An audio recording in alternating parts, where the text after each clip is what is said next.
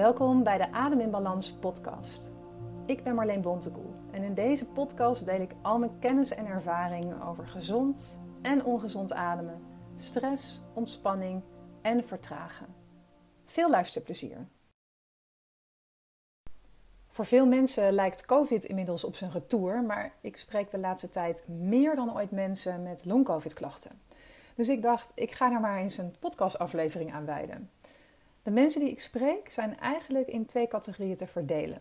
Mensen die er nog middenin zitten en mensen die er al voor het grootste deel doorheen zijn, maar die maar niet van hun ademklachten afkomen. Ik heb vorig jaar een seminar gevolgd van Buteco Clinic International. Dit is ook waar ik mijn opleiding heb gevolgd. Ik ben Buteco Breathing Instructor namelijk en daarop is ook deels mijn ademcursus gebaseerd. En tijdens dat seminar kwamen ademhalingsdeskundigen aan het woord, maar ook ervaringsdeskundigen. En dat waren dan ademcoaches die zelf long-covid hadden opgelopen. En in deze aflevering deel ik graag de tips die daar besproken werden.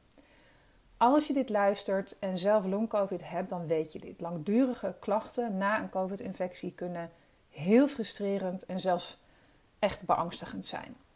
Het ziekteverloop is vaak heel onvoorspelbaar en heel grillig. Je weet niet of en wanneer het beter wordt. Na een stap vooruit kunnen zomaar twee stappen terugkomen. En er was ook echt lange tijd heel weinig bekend over wat er nou precies nodig is voor herstel. En daarnaast verschilt ook nog eens het ziektebeeld en het herstel enorm per persoon. Bij long-covid, dus langdurige covid-klachten, kun je maanden na de infectie nog heel veel verschillende klachten hebben. Zoals bijvoorbeeld benauwdheid, kortademigheid, hartkloppingen, borstademen, pijn op de borst, chronische vermoeidheid, duizeligheid, gewrichtspijn, spierpijn, zenuwpijn, spierzwakte. De lijst is echt oneindig. En het nare is dat veel van deze klachten elkaar versterken, waardoor je ook nog eens vaak in een soort neerwaartse spiraal terechtkomt. Inmiddels lijkt nu aannemelijk dat bij mensen met langdurige klachten het autonome zenuwstelsel ontregeld is. En dit wordt autonome dysfunctie genoemd of dysautonomie. Het autonome zenuwstelsel regelt al onze onbewuste lichaams, lichaamsfuncties, zoals je hartslag, spijsvertering, je ademhaling. En het bestaat uit een sympathisch deel en een parasympathisch deel. je sympathische deel zou je het gaspedaal kunnen noemen. En het parasympathische deel zou je jouw rem kunnen noemen. Deze delen zijn bij autonome dysfunctie uit balans. En daardoor eh, functioneren allerlei orgaansystemen niet meer helemaal naar behoren.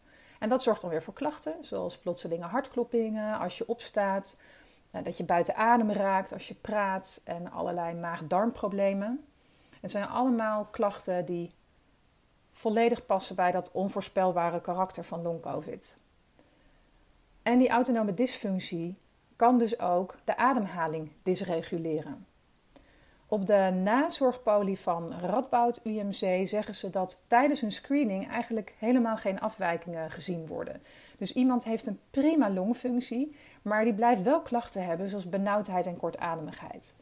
Dit heeft dus te maken met die dysregulatie van de ademhaling, wat dus komt door die disbalans in het autonome zenuwstelsel.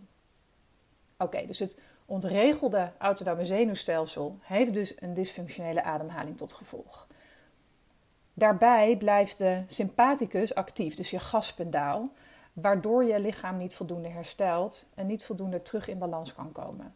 En daardoor blijf je ademen vanuit eigenlijk een soort stressreactie. Je ademt sneller, je ademt veel meer lucht dan nodig, vaak ook uh, heel erg vanuit de borst.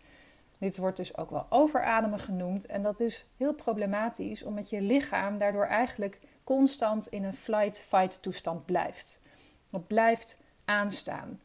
En dat geeft onnodig veel spanning en je verliest daardoor veel te veel koolstofdioxide. Daardoor kan zuurstof weer niet goed opgenomen worden door je cellen. En het zorgt eigenlijk voor een soort chronisch zuurstoftekort in je organen. Nou, hoe kan een functionele ademhaling dan ondersteuning geven bij het herstel van long-covid? Als je er nog middenin zit, dan ben je nog aan het revalideren. En dat kan heel lang duren en daar zijn vaak meerdere specialisten voor nodig. Dus misschien een revalidatiearts, een fysiotherapeut, een longarts, een ergotherapeut, misschien ook een psycholoog. idealiter zoals ik het zie, staat daar natuurlijk ook een ademtherapeut tussen of een fysiotherapeut met focus op de ademhaling. Maar dat is niet altijd het geval. En misschien is het ook niet altijd meteen nodig. Dan moet je eerst herstellen van je andere klachten. En is een ademtherapeut pas nodig als je na je herstel van je overige klachten blijft rondlopen met ademklachten. Want dit kan allemaal uh, leiden tot chronische hyperventilatie. En dat is iets waar je helaas niet zomaar vanaf kan komen. Toch kan de juiste manier van ademen en bepaalde ademoefeningen wel echt het herstel bevorderen. Dus ik geef je graag een paar tips die voor long-covid-patiënten waardevol zijn geweest en die voor jou dus misschien ook waardevol zijn. De eerste tip, en die geef ik trouwens aan iedereen die het maar wil horen, is adem door je neus. Maak er echt een gewoonte van om gedurende de dag zoveel mogelijk door je neus te ademen. Neusademen heeft enorm veel gezondheidsvoordelen ten opzichte van mondademen. Want in je neus en in alle bijbehorende holtes wordt de lucht gefilterd, verwarmd en bevochtigd, zodat het optimaal in je longen terechtkomt. Als je via je mond ademt, dan, dan heb je dat allemaal niet. Daarnaast wordt de lucht in je neus ook vermengd met stikstofoxide. Dat heeft op dit moment niet de allerbeste reputatie, maar in je lichaam is het een wonderbaarlijk stofje wat een antivirale en antibacteriële werking heeft. En het vermindert ontstekingen. En heel belangrijk, het is heel gezond voor je bloedvaten. Het helpt ze namelijk verwijden en ontspannen. En daarnaast zorgt neusademen ervoor dat je minder lucht ademt. Dus omdat je met weerstand ademt. En dat helpt je adem vertragen. Dus als je benauwd bent, dan heb je misschien juist de neiging om heel groot en veel te ademen. Maar als je je adem tot rust wil brengen, dan moet je eigenlijk juist minder lucht ademen. En dat kan in het begin heel lastig zijn of zelfs spannend. Maar voor je neus geldt echt use it or lose it. Dus hoe meer je door je neus ademt, hoe makkelijker het wordt en hoe meer je ademhaling dus ook tot rust komt. Tip 2. Adem laag.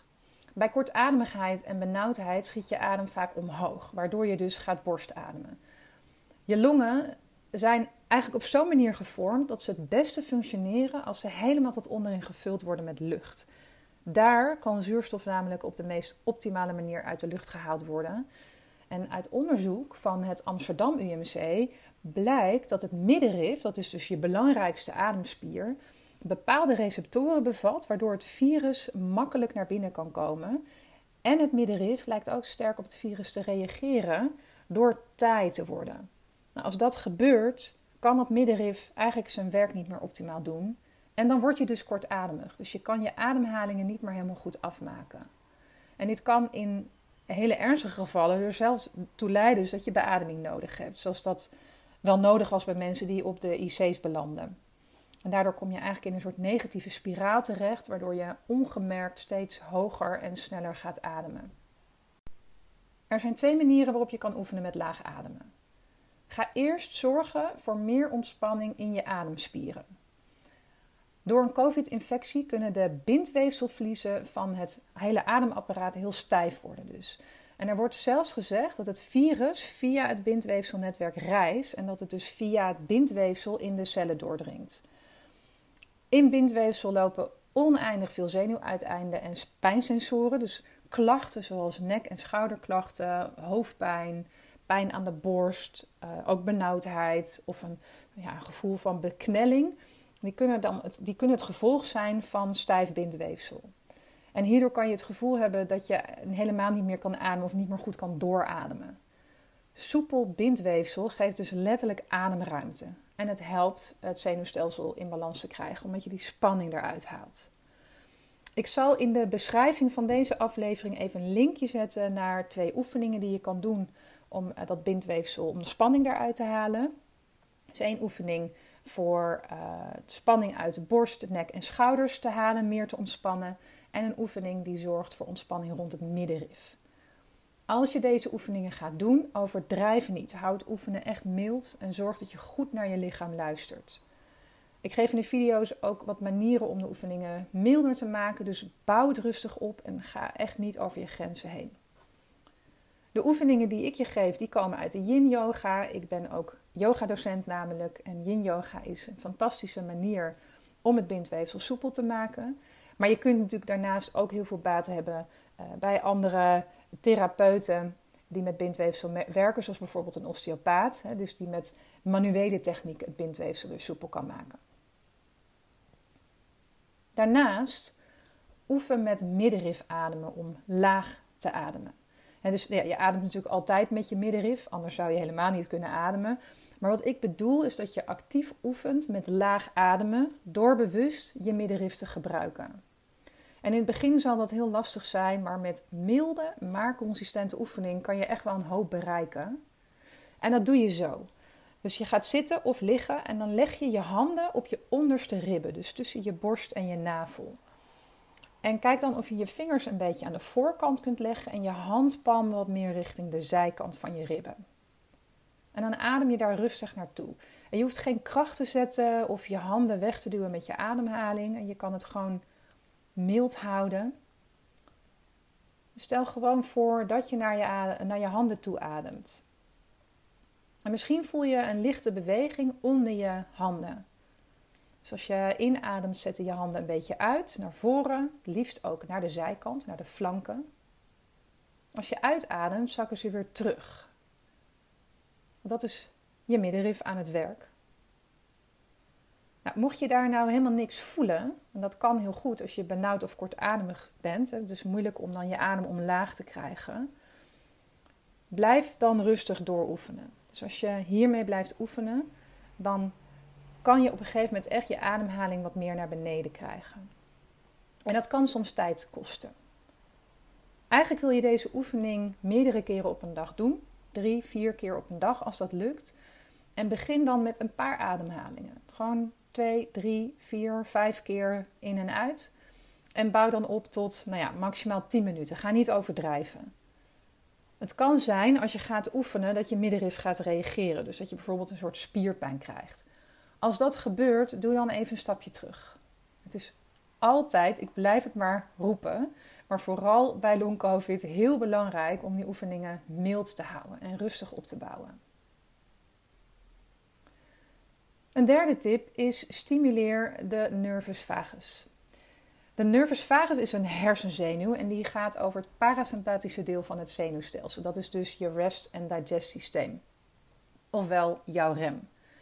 Omdat bij long-covid het autonome zenuwstelsel ontregeld is, is het belangrijk om je zenuwstelsel tot rust te brengen en dus weer terug in balans te laten komen. En ook hier is het weer belangrijk om de oefeningen echt mild te houden, zodat je zenuwstelsel niet te veel geprikkeld wordt. Dus laat ook intense ademmethodes even liggen, zoals bijvoorbeeld verbonden ademen of Wim Hof. Uh, doe geen oefeningen waarbij je door je mond ademt. Dat is echt uh, te heftig voor je zenuwstelsel als je long-covid hebt. Dus deze oefeningen bouw je langzaam op. Uh, en eigenlijk is een graadmeter dat je na de oefening nog genoeg energie over hebt om nog een oefening te doen. De eerste oefening om de nervus vagus te stimuleren is neurien. Uit onderzoek blijkt dat de hoeveelheid stikstofoxide met 15 tot 20 keer stijgt als we een zoemend geluid maken. En ik vertelde net al dat stikstofoxide in je neusholte aangemaakt wordt en heel veel gezondheidsvoordelen heeft. Daarnaast heeft neurieën ook een kalmerend effect op je zenuwstelsel. Want neurieën vibreert in je keel. En dat is waar die nervus vagus loopt. Dus die loopt vanuit je hersenstam door je keel naar beneden. En neurieën zorgt ervoor dat je vaak wat langer kan uitademen. Nou, op die manier stimuleren ze dus, wordt dus, dus nervus vagus gestimuleerd en het parasympathisch zenuwstelsel geactiveerd. En deze oefening die ik je ga geven, die, uh, die, dat is ook een, een pranayama, dus een yoga-ademhaling. En die heet uh, Brahmari Pranayama, ook wel de bee breath, dus de bijademhaling. Het werkt eigenlijk heel simpel. Dus je houdt uh, je lippen, je, je ademt alleen door je neus. Je houdt je lippen op elkaar, je kaken en je lippen beide ontspannen. Dan adem je in door je neus. Je ademt ook weer uit door je neus en daarbij maak je een zoemend geluid. Dus een beetje zoals een bij. En dat mag heel zachtjes. Ik zal even laten horen hoe dat ongeveer klinkt. Dus je ademt in door je neus. En zoemend uit. Hmm. Dan weer in door je neus. En zoemend uit. En je ademt zo lang uit als goed voelt. Dus je hoeft niet bewust je uitademing te verlengen. Dat gaat vaak vanzelf. En als dat niet gebeurt, is het ook echt geen probleem. Het gaat met name om de vibratie en om de aanmaak van extra stikstofoxide.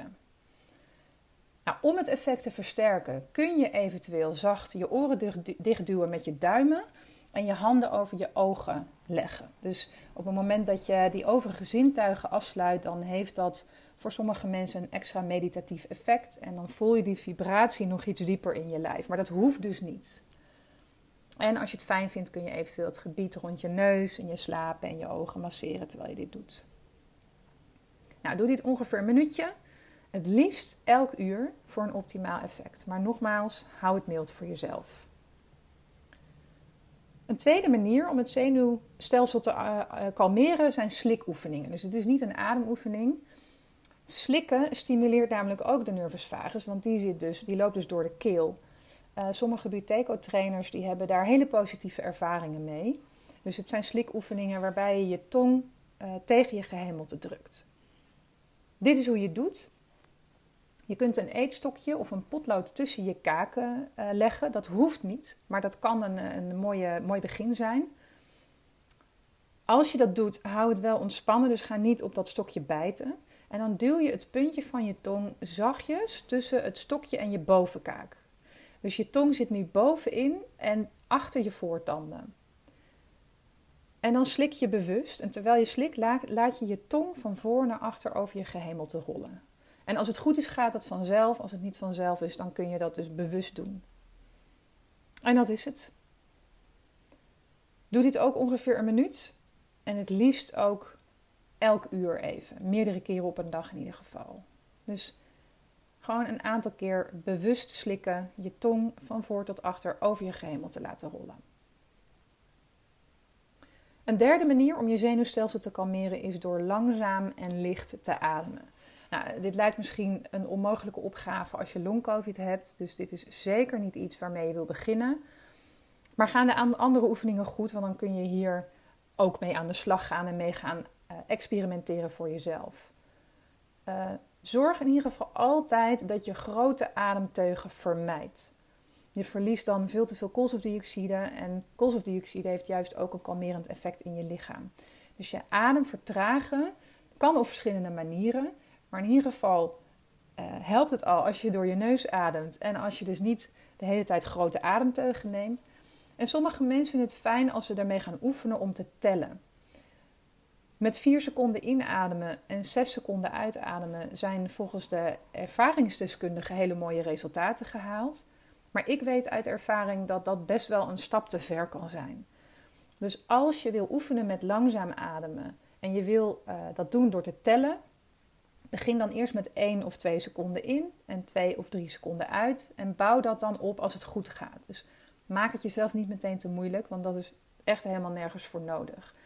Um, dus begin op een tempo wat voor jou op dat moment haalbaar is. En kijk dan of je rustig op kan bouwen naar iets langer in en met name wat langer uit. Ontspannen maak deze oefening makkelijker. Sowieso helpt ontspannen natuurlijk bij het kalmeren van het zenuwstelsel. Dus actieve ontspanningsoefeningen. Dus um, je kan bijvoorbeeld ook eerst een ontspannende meditatie doen of een yoga nidra voordat je gaat oefenen met langzaam en licht ademen. Oefen dit maximaal 30 seconden.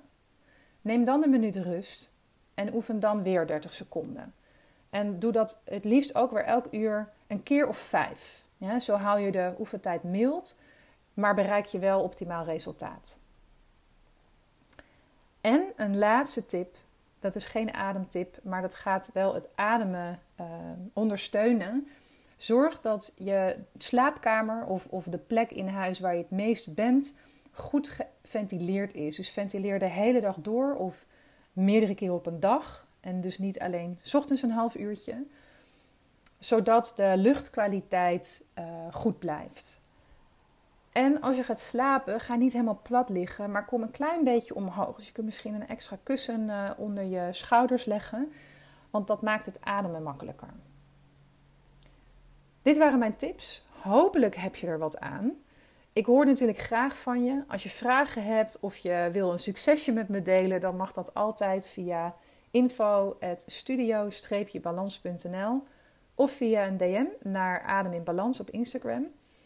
En mocht je niet meer aan het revalideren zijn, maar dus wel rondlopen met ademklachten of chronische hyperventilatie, hebben overgehouden aan COVID, dan ben je uiteraard van harte welkom in de training Adem in Balans.